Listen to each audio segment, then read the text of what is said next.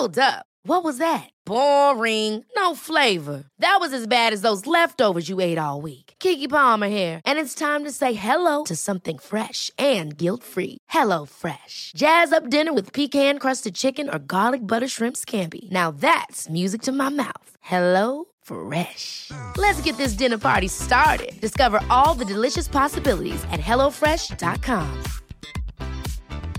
A lot can happen in three years, like a chatbot may be your new best friend. But what won't change? Needing health insurance. United Healthcare Tri Term Medical Plans, underwritten by Golden Rule Insurance Company, offer flexible, budget friendly coverage that lasts nearly three years in some states. Learn more at uh1.com. Hey, it's Ryan Reynolds, and I'm here with Keith, co star of my upcoming film, If, only in theaters, May 17th. Do you want to tell people the big news? All right, I'll do it. Sign up now and you'll get unlimited for $15 a month in six months of Paramount Plus Essential Plan on us. Mintmobile.com slash switch. Upfront payment of $45 equivalent to $15 per month. Unlimited over 40 gigabytes per month. Face lower speeds. Videos at 480p. Active Mint customers by 531.24 get six months of Paramount Plus Essential Plan. Auto renews after six months. Offer ends May 31st, 2024. Separate Paramount Plus registration required. Terms and conditions apply if rated PG. Ann, vet du vad som nalkas snart? Sommarsol. Och min berömda midsommarfest. Det är din älsklingstradition. Och vad passar då inte bättre än att vi denna vecka sponsras av Rusta? Jag drog iväg till Rusta och gjorde, du vet, den här episka inköpskavalkaden. Alltså de har så mycket bord, stolar. Dynlådor. Och det lampor. roligaste av allt. Ja, Jag vet. lampor, mattor. Allt där. Gud vad man älskar det. För jag måste säga så här. Det spelar ingen roll hur fina möbler du har. Om du inte har lullullet, Mm. de fina ljusslingorna, ljusen, lyktorna, blommorna. Kuddarna, Nej, mattorna. precis. de det måste utemattor. spegla Ja. livet, det underbara livet. Hörni, gör som vi. Gå in på Rusta och botanisera bland alla deras helt fantastiska utemöbler och allt sortiment av det vi väljer att kalla skatglitter för din sommarfest. Tack Rusta för att ni sponsrar Inte din morsa. Tack, vi är så glada.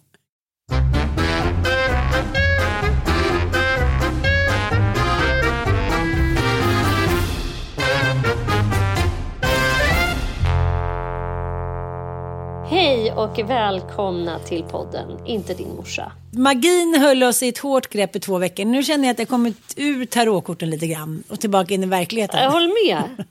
Alltså det går ju, det, går, det är trist alltså för det är härligt att vara i den där världen men det är samtidigt, det har vi aldrig stuckit under stol med, vi är faktiskt lika intresserade av eh, det verkliga och eh, det hanterbara och det som är på riktigt.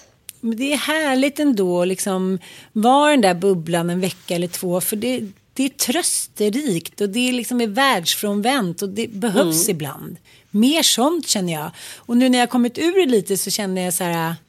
Men gud vad det är spännande och intressant att man kan liksom äntra den världen. eh, Liksom relativt så här, lätt tycker jag. Inte så många hinder. Man tänker, man kanske inte varit inne i den som, om du pratar med mig så har jag inte varit inne i den på många år. Och sen kände jag bara så här, nej den kallar på mig, gudarna kallar på mig. Men är det inte generellt sett också när vi, eh, när vi blir lite äldre att så här, det som eh, förut satte hinder i vägen för oss i form av dels fåfänga, rädsla för andra ska tycka, är det här coolt, är det här rimligt? Alltså man, det fanns så många eh, hinder att ta sig över innan man så att säga kunde kliva in där. Nu är ju alla, allting som jag är intresserad av, alltså det finns så, så få eh, saker som kan stoppa mig. Man bara kastar sig in i det. Ja, det är, Det är härligt. Man har ingen prestige Nej, men längre. ingen Man är- prestige. Noll prestige. Det behöver inte vara coolt. Det behöver inte, vill jag lära mig sticka, du behöver inte ens fundera på om det här är någonting som anses vara coolt eller rätt eller bra eller dåligt. Alltså, allt det där värderandet är på något sätt bara borta.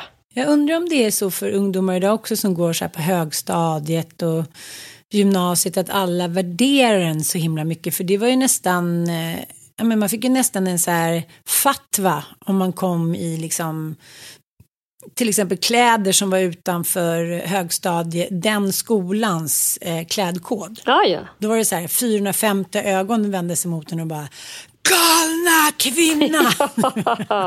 jag kommer ihåg en gång, jag gick i första C, Sveriges sämsta eh, högstadieskola, utnämnd.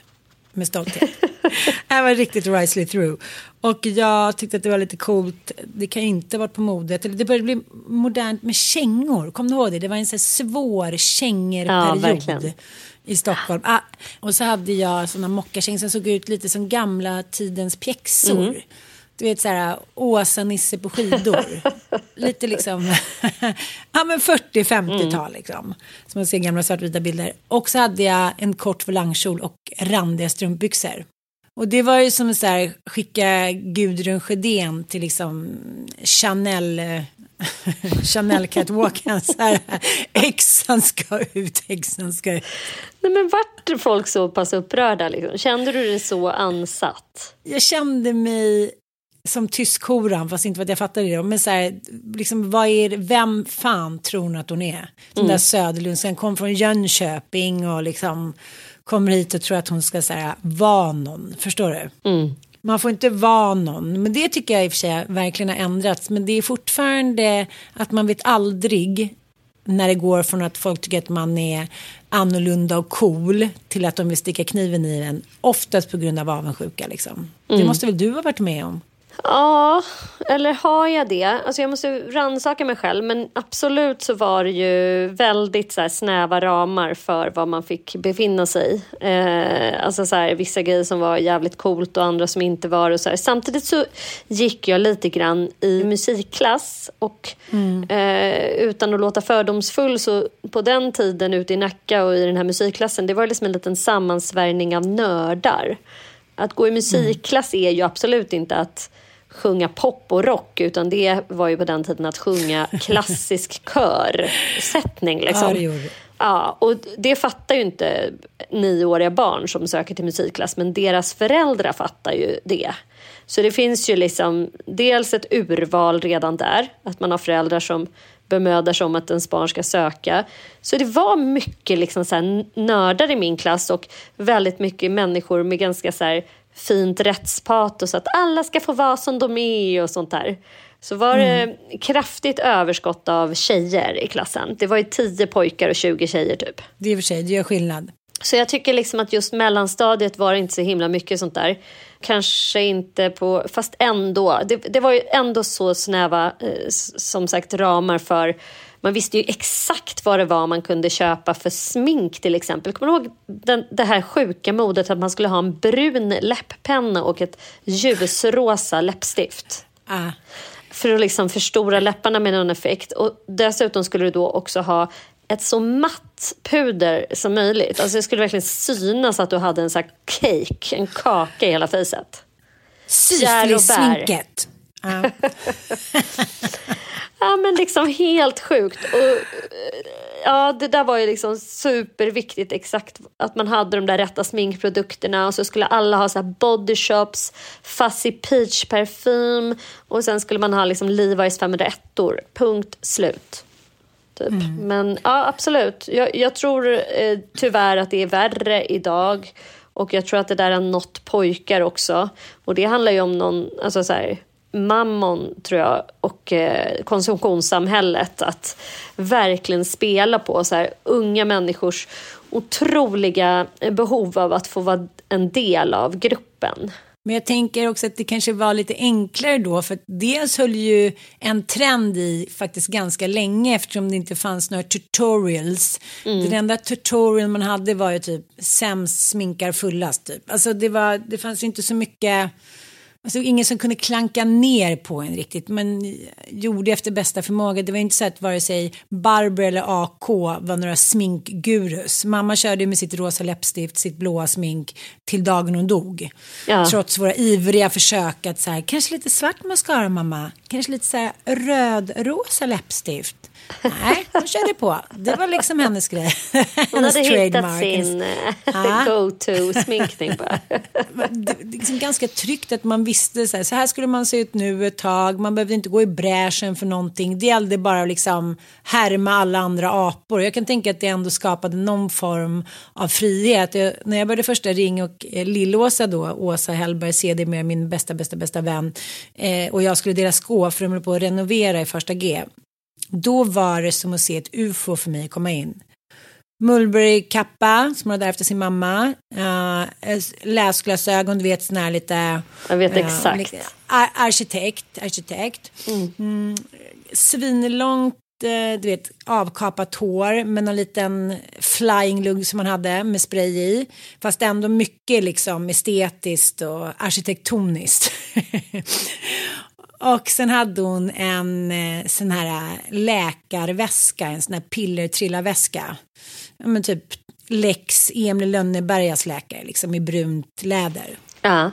Och sen efter första dagen så eh, var hon inte där på en vecka för hon var sjuk. Och jag kommer ihåg att jag gick omkring där i mina jävligt coola hiphopparbrallor, eh, stentvättade snickerbrallor, jättebaby eh, och en mockajacka som jag fortfarande ser framför mig som var liksom terrakottabrun med lite så här äh, ränder i. Och eh, nej, jag såg inte bra ut. Eh, och när hon försvann då så tänkte jag, var det bara en vacker hägring? Jag tänkte att jag hade fått denna liksom delikata människa från ovan tilldelat mig. Att så här, man kunde också vara annorlunda och se ut så här. Till att hon försvann. Det var liksom, jag insåg att så här, här var det någonting annat. Här var det någonting liksom, ja men du vet, Coco Chanel möter du vet, eh, Kickersbruden, Farsta Glitter. Och jag, det gjorde mig otroligt stressad att hon försvann. Sen kom hon ju tillbaka. Ja. Mm, och det är fortfarande det bästa jag vet, se när hon sitter och pular och sminkar och fixar och grejer med små paket. Mm, en liten Sigge Pillis och en liten drink och så här. Allting är eh, som ett litet konstverk som hon gör. Och det hade jag aldrig varit med om. det var gin och tonic på fredagen och mamma med ett litet liksom, ah, en liten uh, oversized kavaj som var lite billigare som hon hade sytt om lite så här. Det här var liksom perfektione. Mm. Allt det som man inte har vågat vara själv dras man ju till. Men det är ju underbart att träffa människor. Det tycker jag är så härligt eh, med livet på något sätt. Att så här, vänner och människor som man blir så djupt inspirerad av och bara känner så här wow, så där kan man också leva och, och ha mm. liksom. Och några gånger under ens liv så har det ju dykt upp sådana där äh, dörröppnare på något sätt. Mm. Kommer du ihåg vår gamla kompis Isabella Iverus? Hon har ju faktiskt också en ah. eh, liten sån, eh, men hon var ju en liten nyckel till vår vänskap också ju. Hon eh, är ju journalist och hon var ju tillsammans gift med Villes bästa kompis. Så det var så jag lärde känna henne. Mm. Och hon var ju en eh, liksom otroligt så när, hon hade liksom väldigt stark energi. Hon hade också en så här jävlar anamma och ett väldigt stort rättspatos. Lite Selma Lagerlöf ja, på 2000-talet. Verkligen. Ja. Alltså så här, en ovanlig människa och en märkvärdig mm. människa skulle jag säga. Hon bangade aldrig heller på att vara så extremt rak och ärlig. Nej, jag hon sa ju precis vad hon tyckte. Ja, det är en chock för de flesta människor. Vilket gjorde att hon oförtjänt eh, blev så här, eh, liksom obekvämt bemött. Det är inte alla som uppskattar rättframhet och ärlighet. Men hon hade ju en så otroligt så stark eh, dörröppnar, dörröppnarförmåga för mig. Mm. För det var hon som på något sätt väckte hela idén om att man faktiskt kunde bli journalist. Mm. Alltså jag är inte som du uppvuxen i en journalistfamilj utan det fanns ett tydligt förakt mot journalister hemma hos mig. Min pappa hatade ju recensenter och åh, gud, jävla journalister som är efter en och så här. Och mamma var ju akademiker och hade läst psykologprogrammet men nej, det fanns liksom inget intresse för omvärlden på det sättet. Liksom det här nyfikenheten som jag någonstans alltid har haft liksom, på vårt mm. samhälle och på strukturer och på också det här lite eh, jag hade ju idéer, jag kanske ska bli polis. Jag älskar så investigate-grejer och sånt där. Alltså så här, spion typ när jag var liten mm. och sånt. Bara, jag vill bli spion, jag vill så här, smyga på människor och spela in saker. Nej, men du vet sådana där grejer. Och så ah, träffade jag Isabella och så fick jag ju då se från sidan hennes frilansliv och bara kände så här, men det är ju för helvete det här jag har gått och drömt om utan att veta om, om det i hela mitt liv. Gud vad härligt. Ja, men du vet när, när man bara ser, alltså så här, och hon var ju då genast helt ärligt frank och sa nej, för helvete, bli inte frilansjournalist. Du kommer bli fattig, det är skitjobbigt, det är liksom, det här är ett yrke som är också liksom hårt eh, prövat eftersom det är så många som vill jobba med det. Och sen när hon ändå fattade att nej, men hon kommer nog göra slag i saken, då fick jag ju börja eh, sitta på deras frilansgrupp när jag precis blev färdigbakad. Och det var också så här, hon var så generös och hon var så mm också så här, nej men för helvete, jag minns en grej som hon sa som jag burit med mig eh, hela mitt yrkesverksamma liv. Att så här, du kommer skicka iväg 99 idéer och du kommer få så här, ett positivt svar på en av dem. Så du kommer ha 99 nej och ett ja. Och så är det. Man bara, mm, mm. ja. Det enda du behöver tänka på det är att vara så tjatig som möjligt. Tjat lönar sig på livets alla områden. Och det är fan helt sant alltså. Ja. är du bara tillräckligt på, tillräckligt angelägen, du ger inte upp, du ringer och du ringer och du ringer. Till slut orkar folk inte. Det är så här ren utmattningsteknik. Oavsett om du är intresserad mm. av en kille eller om du liksom vill bli kompis med någon eller om du vill intervjua någon så är det det som gäller. Att du ligger på och du visar mm. att du är väldigt angelägen och intresserad. Det liksom kan aldrig bli fel eller misstolkas. Så är det bara. Men så är det och eh, jag tänkte på det för att ehm, eh, jag skulle, skulle på middag till Karla Klint ikväll men hon är sjuk så det blev inställt. Men då tänkte jag det, hon är ju tv-världens mest subtila och energiska tjatmoster. Jag tror aldrig hon liksom har gett upp. Och nu har hon ju också gjort dokumentären om kungen. Såklart. ja, men liksom hon bara, du vet, hon håller på år efter år efter år själv. Man säger, nej, de vill inte det, okej. Nej, den här killen verkar inte gilla mig, ja, men då tar jag en annan. Alltså, jag är så jävla dålig på att tjata. Mm. Eh, det är liksom helt sensationellt. Sen kan jag vara liksom bra på att så här, inte ge mig, ja men du vet, med jobb eller om jag vill ha någonting, du vet, så här, köpa någonting, ha ett hus, att jag hittar vägar där jag så här, är listig som en liksom snok och så här, ja, men dupera, fixa, trixa. Så bara, ja, men du, du, okay, in, då, du är inte lika uthållig som dessa kvinnor. Alltså Nej, det är det, är det här uthålligheten att man bara så in, för att du kan vara väldigt på under en kort och intensiv period men sen om inte du får utdelning då lämnar du ju skeppet och så, så hugger du tag i något nytt projekt. Men det här är ju människor som kan hålla på mentalt besatt i år. Som är så här, jag kläckte en idé för 22 år sedan och sen har jag jobbat med den och nu bar den frukt. Typ. Så är det ju.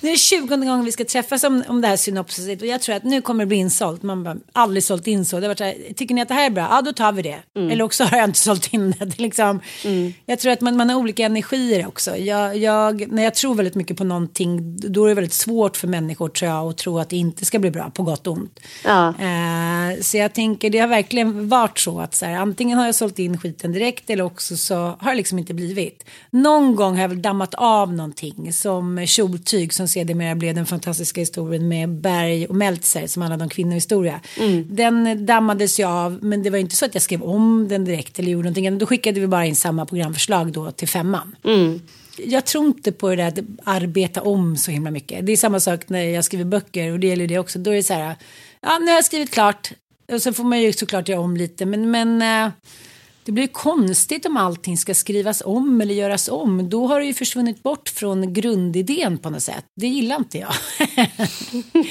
Kanske alla en fåfänga Så kan det vara.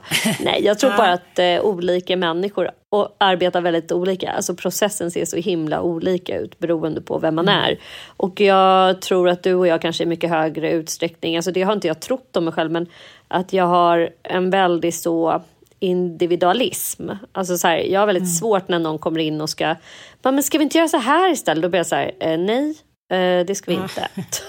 Typ det är inte en jättebra sida alltid, men alltså jag är inte världens bästa på grupparbete. Det var min absolut värsta gren när jag gick i skolan.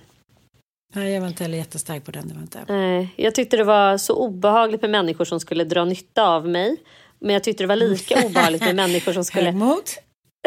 Ja, men liksom så här, nej men det finns ju alltid så latmaskar och ursäkta eh, genusförskjutningen men så här, lata killar som bara fan vad soft med grupparbete. Där typ sitter klassens, de bara hoppar mm. in i så gruppen med klassens ljus för att de vet att de slipper göra någonting då. Men jag Ja, ja. tycker också att det är skitjobbigt med människor som bara, överlag. så här gör vi. Man bara, nej det gör Mm. vi inte. Alltså, som som har eh, större kontrollbehov än vad jag har, eh, men som jag bedömer inte är lika kompetenta. Det är typ min värsta sorts eh, utmaning. Du är narcissist och högmod. Du, du har svårt att samarbeta. Eh, nej, men jag tror att det handlar om att jag, klar, jag har också svårt. Vi har auktoritetsförakt. att när någon säger åt en så här, gör så här. Man bara, nej tycker jag inte göra. Du kan göra så om du vill. Jag tycker inte att det är ett bra sätt. Och det kan man ju också märka i relationer. Mattias säger alltid så här, men du lyssnar inte ens på vad jag säger. Jag bara, nej men det är ju redan klart. det, är, det är så det blir. Ja, jag har ju haft en lite så här äh, jobbig vecka. Dels för att jag har fått reda på att jag har så här skitrisiga sköldkörtelvärden igen. Så jag är ju liksom i någon slags dimma. Och eh, inte nog med det, utan jag har då sökt hjälp hos min vårdcentral. Du vet när man är så här duktig människa som bokar en tid och verkligen kräver rätt. Och så har jag då fått träffa en, hör och häpna, eh, manlig äldre läkare eh, som nu då återkopplade på de här provsvaren och menade att nej, nej, det är ingen fara. Och jag bara, men snälla du, jag kan ju läsa provsvaren. Jag kan väldigt mycket om hypotyreos. Jag vet hur min kropp funkar. Ge mig bara Levaxin. Nej, det kommer du inte få. Det får man bara om man har över 10 i THS. Jag bara, men gud, says who? Alltså det är bara en sån här kamp. Så att jag måste då börja jiddra för att få liksom rätt hjälp. Och det stör mig nog fruktansvärt. Och det gör också att jag har lite så här brain fog och bara allmänt jättetrött. Men jag har också Men vadå, jag kan inte mättekniken. Vad är tio? Nej, men så här. När man, när man upptäcker att man har en underfunktion i sköldkörtel. Det gör man ju för att någon har tagit ett blodprov och då ser man THS, det är liksom vad hypofysen eh, säger till liksom vår sköldkörtel att eh, börja producera. Och så finns det liksom tre mätvärden. THS, T4 och T3. Och för att verkligen kunna se vad, eh, vad det är som är problemet med ens sköldkörtel så måste man ta alla de tre värdena och sen måste man också kolla om det finns antikroppar, alltså om vår egen kropp har attackerat eh, sköldkörteln eller vad det är som är fel på den. Liksom. Och han har tagit bara två av de här värdena och det ena värdet är bra men det andra är dåligt och han vill då inte medicinera mig utan han vill avvakta i tre månader och så ska jag ta nya prover. Och problemet är att jag har ju massa symptom och jag känner min kropp och jag tycker att han bara borde skriva ut eh, Levaxin till mig. Men eh, det vill inte han göra. Det var lite som när jag skulle operera magen, mina magmuskler. Hon bara, ja men vid tre centimeter så, eh, så går landstinget in. Det är liksom vår gräns. Du har ju åtta. Men ska vi börja med att fixa naven? Nej, det ska vi inte. Utan vi ska göra allt samtidigt. Det är liksom en känsla att kvinnor säger ingen fara, vi väntar lite tills du är halvdöd eller inte kan resa dig upp. Eller så. Så då, då ser vi om vi kan sätta in någonting. Ja, och sen var det liksom annat som var väldigt bristfälligt med den här läkaren. Att han så här satt och garvade lite och skulle. Han var så här, vi väntar, du kanske mår bättre när våren kommer. Jag bara, nej det kommer inte jag göra tror jag. Det har liksom inte med det att göra. Det har att göra med en underfunktion i min sköldkörtel. Har ingenting med våren att göra. Nej, Jag, blev liksom, jag fick någon slags rage. Eh, Men skit i det. För sen Bra. så har jag också haft någon slags halvt som halvt ångest. För att jag var ju med i Framgångspodden. Med Alexander. Jo, jag har inte hunnit lyssna. Ja. Och jag har varit liksom senaste gångerna när jag har blivit intervjuad. Jag har inte blivit det så många gånger för att vi liksom inte är så dunderaktuella med något nytt släpp eller så. Men jag gjorde en intervju med Femina för något år sedan och sen så gjorde jag Framgångspodden nu som är de här lite mer livstäckande eh, formaten typ. Jag gick dit och tänkte framgångspodden, jag är liksom också lite dum i huvudet som inte researchar, men jag tänkte det handlar väl typ om mitt så här, yrkesliv, vad kul, ja, shit jag kör typ, den har jättemycket lyssning, kanske jag kan prata lite om podden och hästyogan och sånt där. Men det var det ju inte tal om, utan det här är ju någonting som drabbar oss som blir porträtterade av andra i intervjuer, vilket ju vi båda har blivit, du och jag. Det är ju att eh, sen när vi återintervjuas igen, då kommer liksom researchen bestå av gamla artiklar för de som nu ska träffa oss och intervjua oss. Och vad är jag mest känd för? Din man och din pappa. Och, och nu också att min mamma då eh, dog mm. Eh, i suicid. Så att liksom de senaste mm. två intervjuerna, då vill ju människor så väldigt gärna uppehålla sig kring det. Och... Eh, du har sagt att du inte ska göra det någon mer gång ju. Ja, jag har sagt att liksom, jag vill inte mm. prata om det och samtidigt så är det ju väldigt svårt att, att inte svara på människors frågor och eh, det gör jag liksom. Det blir också, jag tänkte på det, vilket jag har bara så känt som journalist, att för fan vad man ska akta sig för att sätta igång PTSD hos människor. Att bara så kasta sig in mm. i det mm. sårigaste av det såriga och bara förvänta sig att den personen ska kunna svara adekvat och rimligt på frågor som handlar om det absolut mest smärtsamma som en annan människa har varit med om. Jag minns att jag intervjuade Alex Schulman i Fyllepodden tillsammans med Anita när han precis hade skrivit eh, Glöm mig. Och då mm. ställde jag någon fråga liksom, eh, om hans mamma. Alltså han, han skriver så öppet i sin bok så då på något sätt bara förutsatte jag att han var okej okay att prata om det och då sa han så här Vet du, jag tycker att det är fruktansvärt jobbigt att prata med grejerna för det är en helt annan sak att prata med er här nu än att skriva om det i en bok för då sitter jag ju ensam. Sant, verkligen Det är jävligt sant. sant. Det är så här, jag mm. känner inte Alex Schulman på det sättet. Ingen journalist i världen liksom känner dem. Alltså förstår du lite grann att så här, vi gärna bara förväntar oss att människor ska mm. kunna Ja, jag fattar. Uttala, så jag fick liksom dels en så här yrkesmässigt uppvaknande att vi har fan inte rätt att kräva någonting av någon och vi ska ta det väldigt försiktigt när man kliver in i människors sår. Och eh, nu behöll jag ändå liksom sinnesnärvaron. Jag, jag, orkade inte lyssna på podden. De ville väldigt gärna att jag skulle lyssna igenom den och så skulle jag tycka saker. Det orkade jag bara inte göra. Nej. Men sen tvingade jag mig själv att lyssna på den idag.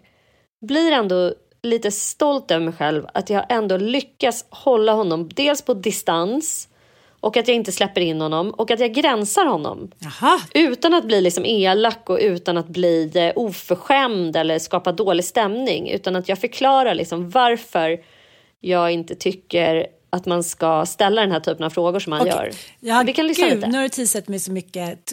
Nu! Men vad hände då 2017 när hon, när hon tog sitt eget liv?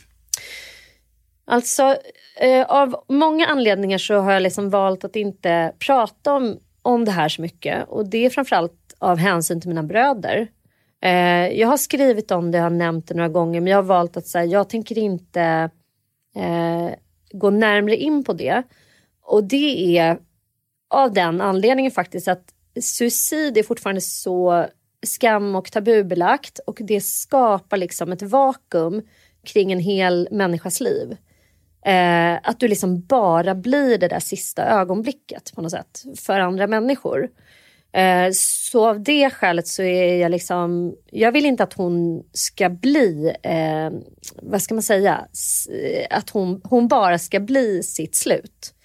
Eh, men det jag kan säga är ändå, för det tycker jag är viktigt, eh, om man nu ska använda en sån här situation till att liksom, om det ska kunna ge folk någonting som lyssnar, så är det att det dels var ju en vårdkatastrof. Liksom. För att min mamma var vid eh, tillfället inlagd för eh, depression. Hon hade gjort ett suicidförsök och själv då låtit sig läggas in. Men hon blev utsläppt dagen efter och då åkte hon hem och tog sitt liv. Eh, och det här händer hela tiden. Ja, men det här tyckte jag var väldigt snyggt gjort. Jo, men det är det ju. Och han, mm. han är ju också så här... Eh, det jag också blir provocerad av när man ska intervjua eh, oss, dig och mig, om psykisk ohälsa och beroendesjukdom, att de inte gör så mycket research så att de kommer med de här fördomarna, alltså det som är drivande i ditt och mitt eh, arbete, eller har blivit för mig i alla fall när jag är ute och föreläser och sådär, det är ju att döda liksom alla fördomar som finns kring både psykiatriska diagnoser och beroendesjukdom. Alltså jag står liksom inte ut med att vi lever i ett samhälle som moraliserar så mycket kring de här sjukdomarna.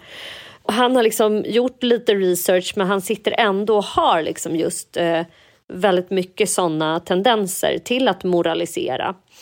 Men eh, jag, jag, jag, tyckte ändå att så här, jag kunde andas ut när jag hade lyssnat på det. Jag bara kände så här, nej men gud, det var, det var inte så farligt. Eh, även om jag kände mig lite så här våldförd på då, då eh, mm. så kände jag att så här, fan vad jag klarade av att gränsa honom och vad jag klarade av att använda den där frågan till det enda jag är intresserad av när det gäller mammas död.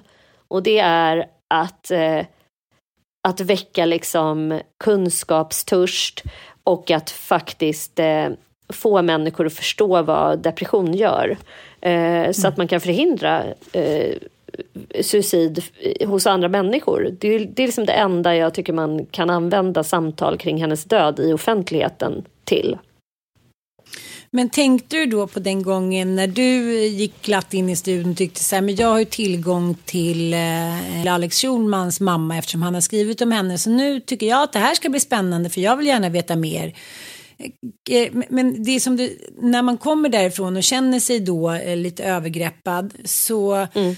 ibland kan det vara svårt också så här, känner jag för mycket kring det här, han hade goda intentioner, han är journalist, det är klart, den är ganska svår där just och då när känslan av övergivenhet och utnyttjande tar över. Men kunde du liksom se det nyktert eller, för man gör ju saker och ting större. Du har ju ringt till mig och sagt att gud jag vill inte lyssna på det, jag måste lyssna på det. Och sen när du lyssnade så var det inte så himla farligt. Men det är väl också det att jag är så här, jag tycker också att det är obehagligt att, eh, att bli eh, placerad i, en, så här, i ett fack. Att så här, det här är du. Du är den här människan som har haft en problematisk barndom och som har en pappa som är jättekänd och en mamma som begick suicid. Alltså att vi gärna vill förenkla människors, alltså beskrivningen av människor. Det ligger ju liksom i, i mänsklighetens natur att vi gillar att så här, kategorisera, förenkla. Alltså det är så våra hjärnor funkar. Men jag kan bara känna så här, jag lär mig någonting om, om vårt yrke. Att så här, för var och en som är journalist, det viktigaste uppdraget vi har det är att bredda bilden och hitta nya vinklar. Och jag blir tokig när människor inte gör det.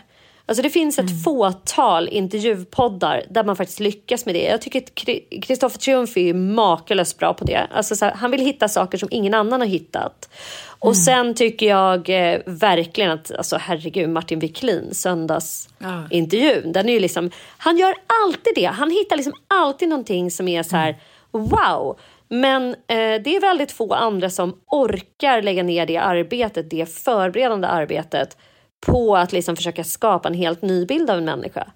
För det, det, är också så här att de flesta vill typ inte lyssna på det, utan de flesta vill, vill ju liksom lyssna på, ja men jag, jag vill lyssna på Sanna Lundell för hon pratar ofta om beroende och då vill jag känna igen mig i det. Förstår du? Det är, liksom, det är, också, det är svår jävla eh, avvägning att göra. Men ah, skit i det nu. Jag, tycker att det, jag kände mig så lättad som sagt när jag hade lyssnat på det och att jag klarade mig. Men det kommer nog dröja ett tag innan jag tackar ja till att göra någon sån där jättestor där man sitter i timmar och bara pratar om sig själv.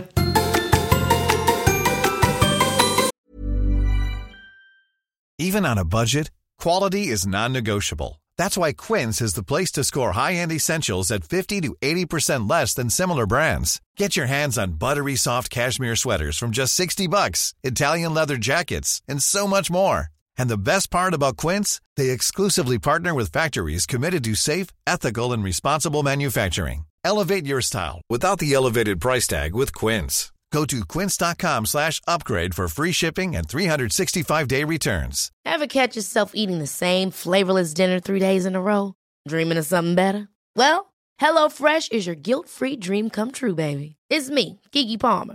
Let's wake up those taste buds with hot, juicy pecan-crusted chicken or garlic butter shrimp scampi. Mm. Hello Fresh. Stop dreaming of all the delicious possibilities and dig in at HelloFresh.com. Let's get this dinner party started. Hey, it's Ryan Reynolds, and I'm here with Keith, co star of my upcoming film, If, only in theaters, May 17th. Do you want to tell people the big news? All right, I'll do it. Sign up now and you'll get unlimited for $15 a month in six months of Paramount Plus Essential Plan on us. Mintmobile.com slash switch. Upfront payment of $45 equivalent to $15 per month. Unlimited over 40 gigabytes per month. Face lower speeds. Videos at 480p. Active Mint customers by 531.24 get six months of Paramount Plus Essential Plan. Auto renews after six months. Offer ends May 31st, 2024. Separate Paramount Plus registration required. Terms and conditions apply if rated PG. Hey, Dave. Yeah, Randy. Since we founded Bombus, we've always said our socks, underwear, and t shirts are super soft. Any new ideas? Maybe sublimely soft. Or disgustingly cozy? Wait, what? I got it. Bombus. Absurdly comfortable essentials for yourself and for those facing homelessness. Because one purchased equals one donated. Wow, did we just write an ad? Yes. Bombas. Big comfort for everyone. Go to bombas.com slash ACAST and use code ACAST for 20% off your first purchase. Men jag tänkte på en grej också. Ofta när man läser om, eh, om till exempel Pernilla Wahlgren. Mm. Men hon var ju känd som spermier, precis som du var, men kom från ett annat kulturellt kapital och liksom kanske inte den arbetarklassen som sedermera fick ett liksom otroligt eh, högt kulturellt kapital. Kanske lite på en räkmacka också. Men hon kom ju från då musikalfamilj, skådespelarfamilj liknande och på 80-talet då var det ser så bra ut. Hon blev, så har ju sagt att hon blev så jävla mobbad liksom. Mm. Att man inte ska tro att man är någon och på 80-talet så var det så att man skulle ju inte tro att man var någon. Det var väl först på 90-talet med så Grace Jones och men jag vet inte när, när, alla inte, när folk inte hade pengar längre och kalla kriget, då började folk så här, krypa upp ur sina liksom, kollektiva skal och så här, så här kan man också göra, man kan tydligen sminka sig så här eller man kan vara androgyn eller man kan knarka och gå naken på fest som en isbjörn och sådär. Mm. Men jag, jag har inte liksom fått någon känsla av att du har fått någon så här skit för att du ska tro att du är någon för att du är Ulf Lundells dotter? Eller har jag helt missat det där? Har du blivit mobbad? På grund av din bakgrund? Nej, det har jag verkligen inte blivit. Jag kan inte uppleva att jag har blivit mobbad. Men däremot så tror jag... Mm, mm, det återkommer jag till att jag har känt mig väldigt så här, klasslös. Därför att min pappa kom ju från en familj där liksom min farfar bokstavligen föddes i en statarlänga i Roslagen och liksom kom ju från urfattiga förhållanden. Och sen så jobbade han och tog cykeln och drog till Stockholm och träffade min farmor som också kom från liksom, ja, men så här, pigor och drängar har min pappa skrivit en bok eller en eh, låt där han gjorde släktforskning och då, det är verkligen så här, människor som inte har ägt jord och som har slavat för andra. Att liksom, det är var han kommer ifrån.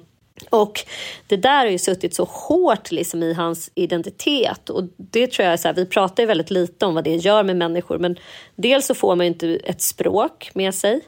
Man får inte sociala koder med sig. Om man jämför med borgarklassen då som nu eh, kan översättas till någon slags medelklass men borgarklassen eh, ägnade ju sig åt att köpa och sälja varorna då som bönderna producerade med hjälp av drängarna och slavarna i stort sett. Mm. Och borgarna, det går ju ut på att skapa affärsrelationer. Så där finns samtalet, narrativet, alltså att eh, skapa relation, att sälja in sig själv, att liksom göra sig själv attraktiv och, och åtråvärd eh, i, ett um, i något typ av social kontext. Liksom. Och sen i överklassen så har det ju också handlat sjukt mycket om att eh, hålla liv i alla typer av relationer. Att eh, fortsätta tillskanska sig makt genom att ha goda relationer med andra personer som har mycket makt och status och pengar. Mm. Och det där, det där märker man ju väldigt tydligt tycker jag, liksom att man kommer ifrån ett hem där det inte har funnits, alltså finns heller så här, ingen kunskap om pengar, förvaltning och hur man, hur man skapar liksom förmögenhet av de pengar som eventuellt trillar in. Och sen finns det ju, har det funnits enormt den här starka fina, tycker jag, eh, idén om att så här, en an är så god som en ann. Alltså man ska inte spotta på jantelagen, för det är, det är en fin lag egentligen. Att så här, man ska inte förhäva sig över andra människor. Alltså, alla har lika mycket värde och det är ju någonting som var ganska fint i Sverige. Men det problemet uppstod står ju i samma sekund som man lever då tillsammans så min pappa har och mamma har ju fostrat mig med jantelagsgrejen. Liksom, att jag ska inte tro att jag är någon. Och du kan jobba i hemtjänst precis som alla andra, vilket jag gjorde. Och eh, det konstiga blir ju när andra människor ur de högre då klasserna betraktar en som att man skulle vara en av dem. Förstår du? Ja, fattar, Välkommen in på så här, Övre Östermalm. På, eh, liksom Mm. så här, för din farsa är skitrik och känd. Typ.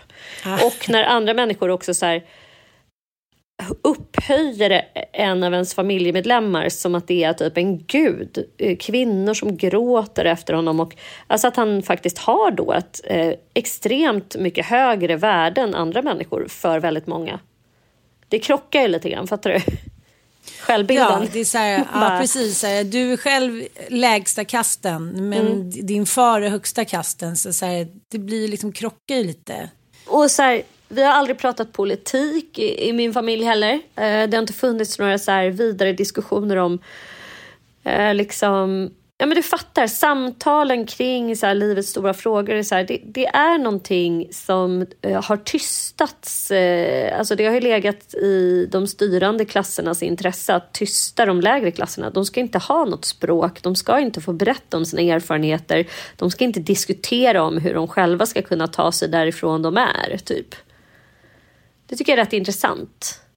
Jag läste Moa Martinsson, jag blev liksom så besatt av henne i somras. Och liksom när man läser hennes, eh, ja men alla hennes romaner är mer eller mindre självbiografiska och liksom där hon berättar hur det bara finns ett så här, du vet det bara rinner ur henne den här berättelsen. Den bara måste få, det är ju som att hon berättar alla liksom arbetares nedtystade berättelser på något sätt. Alltså, det är inte bara hennes röst utan det är så här, en miljon röster som forsar fram i hennes ord. Jag tror att det är därför hennes eh, litteratur är så stark. Man bara, det är som ett kollektivt liksom, sår i vår historia på något sätt. Och hon ger de här människorna en röst. Och ja. det på något sätt helar hela den historien som är vedervärdig. Liksom. Ja, och det har ju också tagit Sverige från det här brutala fattigdomssamhället där människor på riktigt så här, inte hade råd att eh, ha tak över huvudet till sina barn och kunna ge dem mat trots att de jobbade på så fabriker i Norrköping. Alltså, vi ska inte glömma att det här var fan inte så himla länge sedan. Nej, nej. Det är typ hundra år sedan. Då såg Sverige ut så här. Och sen på grund utav, eller man kan ändå så här, tro att de här arbetarrösterna, de, de författarna som kom då, som ju var liksom enormt stora, Strindberg var ju faktiskt en av dem också, som beskrev liksom arbetarklassens eh, påvra tillvaro, gjorde ju ändå att de alltså fick eh, plats, de fick synas och de jag tror att det hjälpte till att skapa den socialdemokratiska så här, utopi av folkhemmet som ändå växte fram under 40 och 50-talet. Mm. Revansch också. Alltså... Revansch, ja gud mm. ja. Och där växte vi upp någonstans och så helt plötsligt så har vi slagit över lite grann nu och är tillbaks i någon slags klassamhälle där man tycker att människor som är fattiga, de får skylla sig själva. Och de, det är väl bara att, att börja plugga och ta sig någonstans liksom. typ. Alltså. Men om du tänker på vad du kommer ifrån då? Alltså du, vi fick ju höra liksom en en liten, ett litet utdrag ur din eh, fabulösa farmor Inges liksom, öden och äventyr. Men det verkar ju som att de ändå hade liknande bakgrund då som min pappas eh, föräldrar. Nej, men det som är så intressant med min pappa är ju att han kommer ifrån noll kulturellt kapital. Alltså, alltså mm. noll. Eh, farmor gick väl liksom knappt ut sjunde klass och farfar eh, ja, men, ja, men gick väl som han gjorde och gick ut åttonde klass. Och jag, jag, jag kan inte tro att han gick någon, någon högre liksom, läroverk eller liknande. Nej men farfar var ju väldigt duktig på siffror och försäljning och sådär. Så att han eh, höll ju på med olika projektiones och pappa berättade att de kom hem en dag och då hade de inget pingisbord i källaren längre för då var det en potatiskällare. Då hade farfar liksom cashat in lite extra och hyrt ut det där till någon bonde liksom. Så att, ja, de växte upp i ett hus i Katrineholm och farfar hade ju en möbelaffär. Mm. Och var liksom hade någon eh, estetisk ådra då. Farmor försökte jobba några gånger hon försökte också på sig att laga mat några gånger. Inget dera funkade utan hon, ja, hon gick åt ett annat håll så att säga. Så att pappa fick ju någon gyllene penna, oklart från vem. Eh, hans brorsa blev en duktig liksom eh, businessman, hade liksom möbelföretag. Och faster var ju också jätteduktig, kreativ och liksom konstnärlig och sådär. Men far, alla utom Ulf har väl ändå haft lite liksom problem då med ångest och med sponken och eh, jag tänker på det där som man ibland inte känner att man ska ta på sig, sitt arv liksom. Var man kommer ifrån och vad ens föräldrar misslyckats med och vad de gjorde bra. Och eh, det är också en förklaring till att man ibland kan känna en sån oförklarligt stark skam över någonting som man tänker så här, men hur, fan, hur kan det där kännas så drabbande? Det eh, spelar roll, man kan väl misslyckas med ditten och datten och sen så ligger man och tänker lite på det där någon var, i varje timme någon gång och tänker så här, det var exakt det som min mamma hamnade i liksom. Och då blir det någon form av dubbelskam. Jag tycker han skrev så jävla bra om det. Vi har pratat om det förut med Alex Schulman när han skrev om studenten. Så Åh vad glad, alla samlas på studenten är verkligen alla där och firar. Och sen liksom börjar det knorra och något arv från faster Agdas 1800-talsslott. Alltså så här, det bara ligger där och pyr, vare sig du kommer från överklassen eller medelklass, fast det är olika det är olika skampålar vi går omkring och bär på. Så att jag tror att farfar var liksom, han var en glad gamäng och eh, levde hand i mun och ena dagen så var det prinsesstårta och andra dagen så fanns det inga pengar och liksom. Ja, men jag tror att det var väldigt kärleksfullt men det fanns inga verktyg överhuvudtaget tror jag. Och det förklarar varför pappa blev en jättebebis. Var, var kom din farfar ifrån för eh, liksom, omständigheter? Var han, kom han, för att vara handlare, det är ändå någon slags borgar... Alltså att ha en affär och sälja och köpa saker och så. Men var kom han själv ifrån? Nej, men han kom från, hans pappa hade också varit handlare, men också kanske inte fattigaste fattigaste, utan de hade bott i hus och liksom, det var ju ingen, det var ingen klass, överklass eller borgardel, utan det var mer att så här, ja men själv är bäste dräng och sen hade det gått bra. Alltså, Så det, det fanns väl mer en, eh, vad ska jag säga, han hade en, eh, ja men en näsa för business. Alltså, Att ens våga starta business liksom. Så att eh, jag tror att han, eh, han och, och farmor var väldigt kära i varandra. Men hon var ju en torpardotter som hade blivit bortadopterad. Till, till liksom, som piga. Eh, när hon var, var väldigt liten. Från ett barnhem liksom. Och eh, ja, det förstår man ju också vad det gör kanske med självkänslan. Att eh, man blev, det var ju på den tiden, det var ju som att bli såld. Man fick ju liksom ansöka då om ett barn och sen så visste alla underförstått att det här barnet kommer att användas som piga. Alternativt, eh, ja, musa liksom. Men det är det att det är så tråkigt för båda, min, min farfar och min morfar, de dog ju, de gick ju bort, liksom morfar när jag typ var fem och farfar när jag var sex. Så att liksom jag har några så här Greklandsminnen med morfar och han stod och målade och samma sak från farfar när vi var ute i Valdemarsjön, men då var jag liksom fyra, fem år.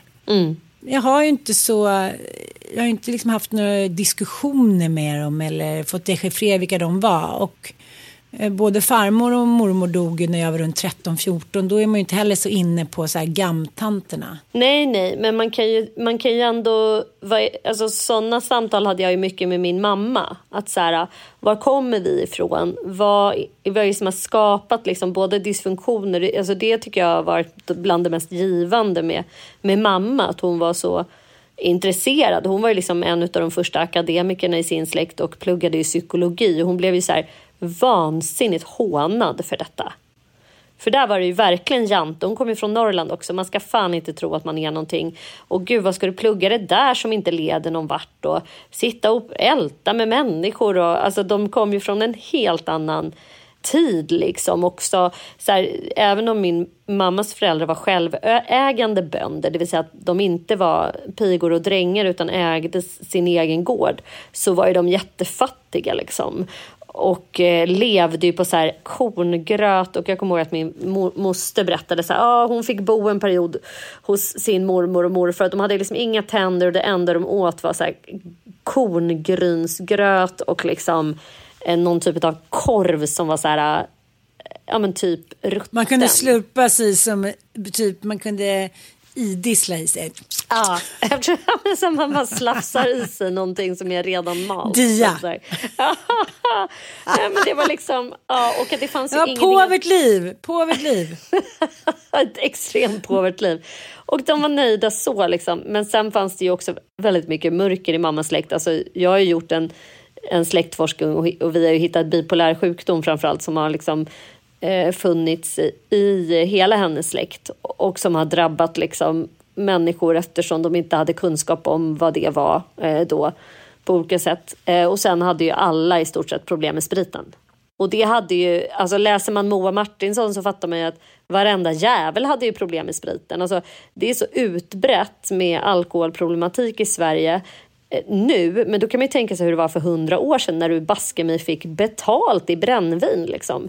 Det var ju verkligen kunde välja att, det i alla fall. Ja, du kunde välja det och det var väldigt många som Mm. nappade på det och det var typ den stora eh, problemet för kvinnor att deras män söp upp den lilla, lilla lön de fick så att de inte kunde ge mat till sina barn. Det var därför alla nykterhetsloger blev så stora på eh, Eh, och att man faktiskt diskuterade om det skulle vara olagligt med alkohol för att det var så otroligt stort eh, problem. Och människor söp ihjäl sig och liksom dog i alkoholrelaterade sjukdomar så det stod härliga till. Och det, det fanns ju skitutbrett i, i mammas släkt. I pappas släkt så jag, jag kan tänka mig att det gjorde det där också. De kom ju också från alltså så här, fattigdom liksom. Men det var ju den stora skillnaden på mamma och, mammas och pappas släkt. Mamma hade ju liksom aldrig sett någon vara onykter. Mormor och morfar gjorde ju sin egen julsnaps och det, liksom, de gjorde sånt där, du vet, man satte eget vin som Mm. alltid stod och puttrade, liksom sån jävla körsbärsskit som alltid, det luktade alltid jäst på vägen ner till, liksom, till garaget. Men mormor hade ju liksom total koll på allt. Båda jobbade jämt, såg de aldrig sitta stilla, såg de aldrig inte röra på sig, såg de aldrig inte hålla på med någonting, förstår du? Morfar var ju supersmart, han var så ordförande för typ då- dåvarande så här, LO, nej men du vet, och eh, mätöverste, vad heter det? Man mätte alltså för hand. Skulle då, Lantmäteriet kanske? Lan, ah, han var liksom lantmäterichef och det var ett sånt jävla hårt jobb att mäta då varenda byggnad för hand. Och blev det någon liksom litet fel då handlade det om massa pengar. Så han liksom Ja, men han jobbade ju helt enkelt ihjäl sig. Men det var ju så supervackert hem. Mormor sydde, hon var ju också sömmerska, sydde alla kläder, mycket siden och bla bla bla. Men det som var var ju, eh, och nu ska jag verkligen inte prata skit med henne för hon lever fortfarande, men det var ju att eh, ja, moster då inte lyckades träffa någon kar liksom. Eh, och det var lite skandalöst då, lite översmart, kanske lite som morfar åt Asperger-hållet liksom. Så att eh, mor, mamma kom ju från typ ordning och reda och liksom inte ett dugg hippie eller gå utanför ramen även om man liksom, hon gick på gymnasiet och rökte och typ det liksom, ma- man tog studenten, man skötte sig, man var snygg, ordning och reda och liksom fint hem och manners. Och sen blir hon kär i köris liksom.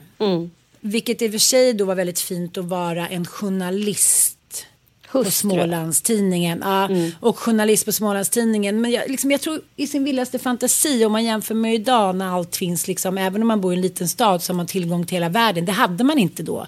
Bodde man i Eksjö med sina glada typ 15 000 invånare, då bodde man där. Det var inte så här att man hade koll på omvärlden och tänkte så här, ja men snart kommer det komma en, liksom, en skitsnygg journalist hit som tycker att han är larger than life, som ska kissa på liksom husväggen och typ ragga på alla mina polare. Jag tror liksom, hon hamnade i någon chock och när hon började komma ur den då hade hon två barn liksom. Och en jättebebis. Så att, eh, ja, eh, man ska välja noggrant. Ja, men du älskling, apropå äktenskap. Både du och jag när vi satt inför den här podden så, så, så sa du så här, jag vill prata om en sak och det är Grete Philipsson. För det första, till att börja med så vill jag bara säga att jag har ju liksom stött på henne i vimlet. Men sen var ju vi, var var vi någonstans? Vi var ute och fick följa med på någon eftersläckning som eh, Batina bjöd på. Visst var du med då? Ja, jag är med. Och då var Grete där. Ja.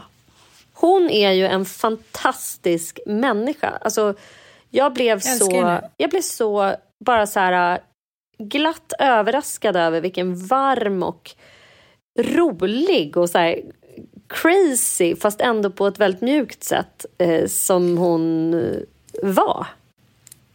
Jag tycker hon är en superstar. Alltså jag tycker hon är formidabel. Och hon spelade ju också min mamma. När Anita och jag gjorde den här So Me sitcom som aldrig blev någonting. Eh, och eh, då hängde ju vi liksom några dagar och sen har jag ju träffat henne, Nina och jag liksom eh, jag, jag fattade tycke för henne direkt. Jag tycker hon är cool. Jag tycker hon eh, också är ett så här, tydligt tecken på det som vi pratade om innan när man inte riktigt har förstått överklassens regler. Eller oskrivna regler. Och vilka jävla skitstövlar.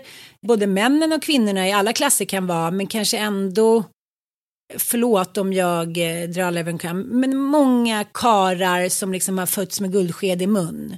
Blobbe, Kimmen, mammas kull, kolvas. Så här bortskämda som jävla prinsar som aldrig har behövt ta en liksom repressalie hela sitt liv. Det har liksom räddats av Tullan, eller mamma, eller barnflickan eller pappa. Det är så här, ah, ah.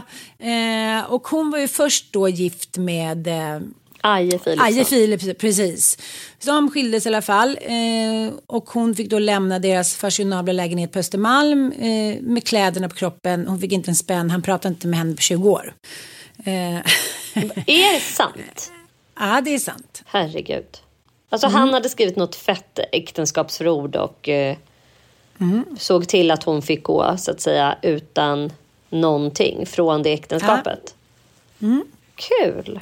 Och då var det ju inte hon som hade varit ett arsle om vi säger så. Så kan vi läsa mellan överklassraderna. Okej. oj, oj, oj. Herregud. Ja. Sen träffade hon en till man eh, som hon fick barn med. Vet inte riktigt hur det kom. Jag tror det också tog ände med förskräckelse. Ja. Och sen då på ålderns höst så träffade hon den här äh, Kent. Och jag har träffat dem mycket ute i vimlet och jag tycker han är så sympatisk och rolig. Jag bara känt så här, nej men way to go old farts liksom. Hon är ju så snygg och het och han är så glad och rolig. Och jag bara känt, de verkar verkligen ha roligt. Mm. Och sen så träffade jag henne på stan för några månader sedan och hon gick förbi mig som att hon var ett spöke. Det var som att hon hade åldrats, alltså inte utseendemässigt men energimässigt 20 år. Och jag försökte hälsa, hon såg inte ens mig, hon gick bara förbi. Jag var så här, gud vad har hänt? Började luska lite i sann eh, Svensk Damtidning-anda och fick då höra att, att han hade då dött knallfall och eh, liksom, de hade varit tillsammans i nästan 20 år, inte lämnat en spänn. Eh, De alltså, som hon säger, vi hade ändå byggt upp ett hem tillsammans, både i stan och på landet då som var hans liksom.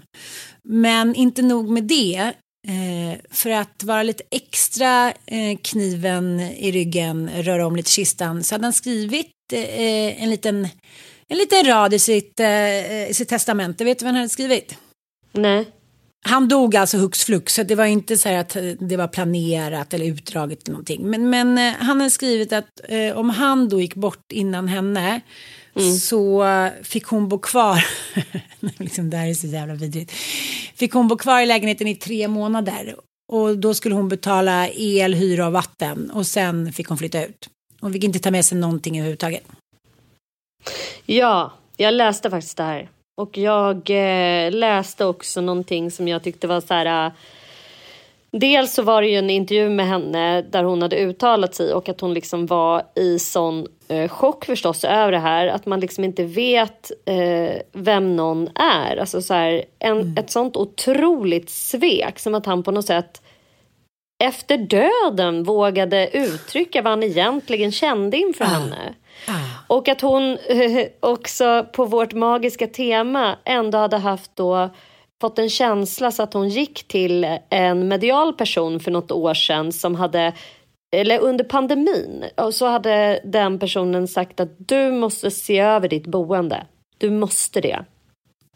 Och då hade hon pratat med Kent om det här eftersom coronan förstås fick alla äldre människor att börja tänka på liksom att ja, vi är dödliga. Det kanske kommer hända nu, när som helst kan det ske typ.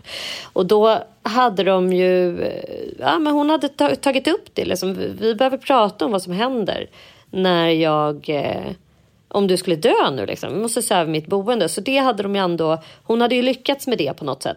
Men landstället, just det här att så här, hon skulle vara ute på tre månader. vad är det Alltså, för jävla så a- after death-krav? Vad är det liksom? Vad är det för så här extremt kontrollbehov att man inte ens kan låta sin kvinna eh, får komma överens med nära anhöriga om hur snabbt eh, eller långsamt det här ska ske. Nej, men det är så galet.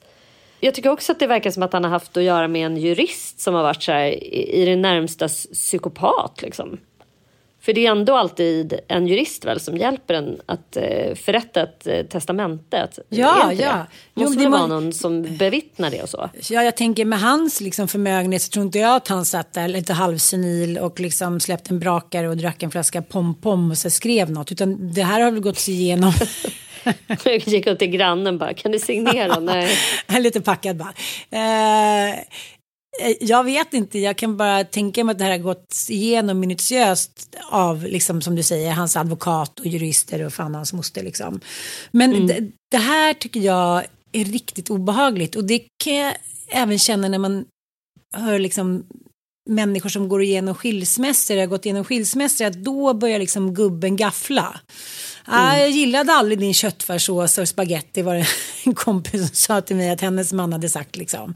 Nej, Nej okej, nej men då så, varför sa du inte bara det? Eller gör en egen jävla köttfärs och spagetti. Eller jag tyckte alla att det var kul att åka dit på somrarna eller hitan och ditan. Och den tycker jag är faktiskt den, det snålaste människonedriga sättet av alla. Så här, okej, jag fattar, säg vad du tycker då. Då kan vi väl snacka om det och försöka hitta något bättre. Men att komma då när den andra vill lämna oftast och sen säga så här, försöka ändra ens livsnarrativ. Det gör mig tokig. Att säga, det var aldrig bra, vi passade aldrig ihop. Vi tyckte aldrig olika, vi borde inte haft de där barnen, bla bla bla. För att man känner sig sårad och då ska radera ut hela sitt liv.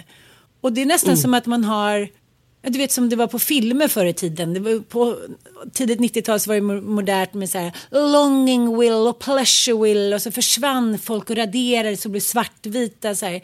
Det är ingen kärlek i, det här, i den här stan längre. Vi håller på att dö ut typ. Ja, men man bara nej, gud vad läskigt. att det blir lite så när man är i separation. Att det är som någon så här suddar ut ens minnen. Tar alla fotografier och så här gnuggar lite på. Mm. Och jag tänker att man ska vara väldigt stark i de här tillfällena att eh, titta på gamla bilder och tänka hur det var. För att det är väldigt lätt som när någon har dött också, som när jag tänker på min mamma så liksom, jag försöker verkligen kämpa med att inte se det här sista av henne när hon var, ja men du vet, vägde 30 kilo, ruttna tänder och grått hår och såg ut som att hon liksom var i Auschwitz och inte mm. var sig själv. Eh, med pappa kan jag ju mycket mer, så här, min store tjocke far, jag kan tänka på honom med kärlek trots alla hans brister. Jag ser liksom, ja men min gamle far som var morfar och gjorde sitt bästa liksom, på något sätt. Men med mamma blir det att jag får liksom tampas med den här bilden, skräckbilden mot den vackra bilden, känslan av att förlora kontrollen mot att hon var min mamma. Jag, jag, jag tänker mycket på narrativ, att man måste, så här, man måste eh, stå för sitt eget narrativ. Man får inte vara så påverkbar att andra liksom ändrar ens narrativ och säger så här, det där var bara skit och du var bara skit och du är skit men det måste man ju känna när man inte ens får försvara sig som för uh, Grete. Han har ju bara mm. liksom jag, jag, var inte så kär i dig som du trodde. Jag tyckte bara det var skönt typ. Så, så här, hej då, du kan dra nu. Men glöm inte att betala elen. Ha det. Vi ses i himlen typ. Jag kommer hoppa det, på din grav. Men det, det är liksom, jag har aldrig hört talas om något. Eller jo, vet du, eh, Paulina Paroskova, hon var väl ja. utsatt för något liknande. Ja. Det var väl också sådär liksom att de hade varit gifta och så hade de separerat. Uh, det var hon som så, ville, men han var ju typ 90. Ja, det var hon liksom, som ville. Ja. ja. och han var väl liksom sjuk på mm. olika sätt. Men det resulterade i att hon liksom bara fick lämna eh, den lägenhet som de bodde. var ju fortsatt gifta, men då hade ja. han ändå gått in och skrivit ett testamente och gjort henne totalt arvslös. Och det var ju samma sak. Bara flytta från lägenheten så fort jag dör.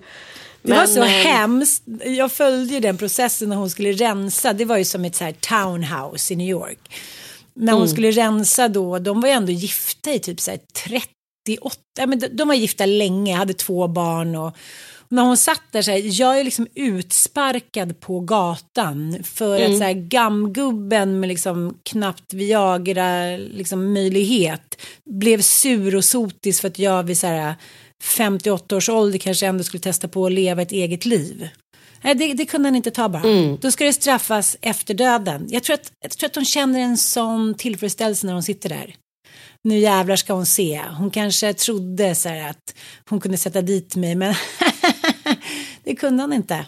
Ja, en otroligt så här, intressant, nästan så att det är mm, så här, en roman, eh, ett Ja. romanuppslag tycker jag. Alltså, bara att brottas med de känslorna att så här, Ja. ja, jag trodde vi var lyckliga i 20 år men Mm. testamentet där som du har suttit och knappat på på egen hand vittnar om någonting helt annat. Att någon Mm. faktiskt har haft liksom en helt dold eh, känsla. Och som man inte, alltså det måste vara så jävla otäckt också när man är så gammal och har Mm. varit med om så mycket och, och ändå troligtvis har så god människokännedom som, som jag antar att hon borde ha efter så många liksom så här, Ja, men hon har haft så mycket, hon är så social också, träffar så mycket människor.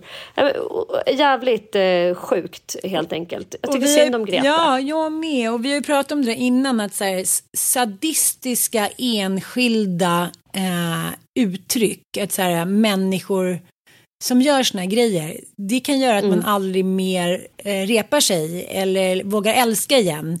Eh, nu kan vi inte nämna några namn här, vi kan egentligen inte nämna någonting, men vi har ju ett, vårt bästa exempel som vi vill då, därför vill vi göra ett tv-program om det här, försoningen, att någon eh, symboliskt också eh, besudlar någonting som har varit eh, väldigt vackert i en relation. Och pissar på det och eh, bara går till någon annan och eh, jönsar lite, kommer lite fram och tillbaka och hit och dit, ändrar sig igen. Tills den andra personen eh, liksom ligger eh, i rännstenen medan den då nya då eh, är svinkär och eh, lever förträngd. Jag tror att det är därför många män eh, och kvinnor också som har lämnat skäms så mycket så de vill inte träffa sina ex. Ja, men lite som i Martina Hags, eh, eller Martina, ja, hennes bok, det är något som inte stämmer. Att först är då huvudpersonen, vi kan kalla honom Erdogan. Han... ja men de har liksom, hon tycker de har världens bästa förhållande och det pippas och det är gladeliga hit och dit och sen ser plötsligt så vänder han. Och blir skitelak och säger att hon bara tänker på sig själv. Han har liksom aldrig, han har inte varit kär i henne på flera år och jada, jada, jada, jada. För att klara av skammen att ha gjort något som han har gjort. Ja men också så här, lite som vi var inne på du och jag när vi pratade häromdagen. Att så här, för att klara av en separation, i synnerhet när man är så separationsskadad eh, som från barnsben, alltså med skilda föräldrar. Alltså jag får väl verkligen betrakta mig som separationsskadad. Alltså mina föräldrars skilsmässa var ju så jävla vidrig. Eh, ful och så här, två människor som verkligen inte kunde vara varken vuxna, snälla eller gulliga mot varandra utan bara så här, det enda sättet för dem att separera var att göra det med hat. Alltså att hata sig bort från den andra personen. Och, och det är ju liksom, ser man ju ganska tydligt kanske första tiden. Så jag blir alltid helt chockad när jag ser människor som är så här, nej men vi har inget ont om varandra, alltså vi har bara tröttnat liksom, men vi är skitbra vänner. Så här. Den ena typ hjälper den andra att flytta och alltså så här, Men då har det aldrig bara, varit passion. shit, Då har det aldrig varit passion. Nej, nej men det kanske visst har varit, det kanske bara är människor som inte är så separationsskadade tänker jag. För jag vet många som inte haft någon passion men som ändå har såna här äh, vidriga skilsmässor. Alltså att det, är bara, vänt- det är någonting som gör att så här, jag måste hata dig ut ur det här boet annars kommer det aldrig gå. Annars kommer jag bli kvar här för resten av mitt liv. Så att, då ska man börja baktala den andra. Gud, nej, men han var inte bra. Det var liksom, alltså att man hela tiden måste använda sig av det där hatet och förnedringen för att rättfärdiga varför man vill gå ifrån den andra på något sätt. Jag tycker att jag var så mycket också när jag gjorde slut med Ville. Jag skulle liksom övertyga mig själv om hur dålig han var och hur dålig vår relation därför var. Då kunde jag inte tänka liksom att ja, men, alla har ju sina bra och dåliga sidor. Under en period var, kunde jag bara se liksom det onda i honom. alltså, helt blind. Alltså, så här, det har tagit många år för mig att kunna se andra nyanser. Ja, men jag, jag tycker också att det, att det har gått så upp och ner. För att när jag skilde mig från eh, Nanook, då var det så här, eh, nej, men då var jag så lättad. Och jag var så här storsint. Han träffade också någon ny ganska snabbt som jag kände. Och de var så nervösa att jag skulle bli arg. Och så jag bara, men gud vad, hon är underbar. Jag kunde aldrig tänka mig någon bättre. Jag var liksom så här high on life och tyckte så här, perfekt. Nu har vi liksom försökt lämna varandra i så många år. Och nu har vi lyckats och nu har vi hittat någon ny bra. Nu kör vi. Nu är det gemensam julmiddag. Just det, du gillar inte julen. Ja, men då kör vi något annat. Och sen dess bara, okej, hej då, utför gick det. Så att liksom, man, man vet aldrig var det ska sluta. Man får bara tänka så här, det blir som det blir och det är som det är. Men det som jag känner så här, det, det som hände med Grete var ju att hon hade underskattat hans klassregler tror jag. Att så här, blod är tjockare mm. än vatten och så är det alltid när det finns pengar lång tid tillbaka. Kom inte hit och tro att du ska vara någon musa, att du ska få någon stash, utan du får vara med ett tag och sen är du ute i rännstenen igen. Ho. Ja, och det är det. Om man inte är gifta och bara sambos då måste man ju mm. skriva testamente och då skulle man ju kanske ha behövt prata om det. Och det, det är väl det också som är så lite obehagligt att han liksom eh, inte har velat göra det alternativt absolut inte glidit in på de bitarna utan hon har bara liksom förutsatt att han skulle förse henne med en möjlighet att leva kvar eh, i alla fall den bostad de hade. Äh, men, så absurt men mm. eh, som du är inne på det, vi hejar på dig och jag tror också så här, pengar och makt gör ju människor Alltså det, det är lätt att det eh, förtar människors go godhet. Liksom. Mm. Och eh, det finns ju en anledning till, till, att vissa människor är förmögna. De är helt enkelt snåla. Och då kan mm. man väl inbilla sig att de är känslomässigt snåla också. Men jag har hört... Eh... Eller? Är jag fördomsfull när jag säger så? Nej, det är klart inte. Det säger forskningen också. Att så här, ju mm. rikare, desto snålare. Att det, så här, det gör ont. Ta Joakim von Anka, han är ju världens bästa ja, men, arketyp på Symbol. riktigt ja. Och så ibland så får de liksom, ja, men, öppnar de upp plånboken och får lite liksom, livskänsla och feeling. De kanske är nära döden eller de kanske får en, ett barnbarn eller en son, ska fira lite. Då är det dags och sen så knips det igen. Du ska inte tro att du kan utnyttja mig. Många människor tror att alla andra vill utnyttja dem. De tror inte gott om folk och det är det vi gör, vi som inte har så mycket pengar. Vi tror så här, va? Nej, det var väl ingen lurendrejare. Han var bara gullig. Var är min väska? Var är min... Nej, det gäller att se om sitt eget bo. Så är det bara. Och med de orden tar vi och avrundar denna podd. Puss och kram!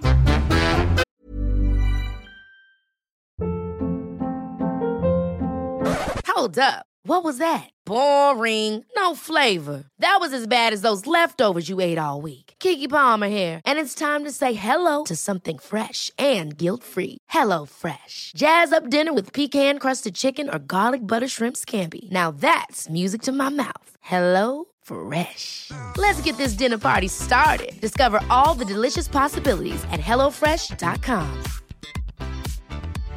Imagine the softest sheets you've ever felt. Now imagine them getting even softer over time. That's what you'll feel with Bowl and Branch's organic cotton sheets. In a recent customer survey, 96% replied that Bowl and Branch sheets get softer with every wash. Start getting your best night's sleep in these sheets that get softer and softer for years to come. Try their sheets with a 30-night guarantee. Plus, get 15% off your first order at bowlandbranch.com. Code BUTTERY. Exclusions apply. See site for details. Hi, I'm Daniel, founder of Pretty Litter. Cats and cat owners deserve better than any old-fashioned litter. That's why I teamed up with scientists and veterinarians to create Pretty Litter. Its innovative crystal formula has superior odor control and weighs up to 80% less than clay litter. Pretty Litter even monitors health by changing colors to help detect early signs of potential illness. It's the world's smartest kitty litter. Go to prettylitter.com and use code ACAST for 20% off your first order and a free cat toy. Terms and conditions apply. See site for details. Bye.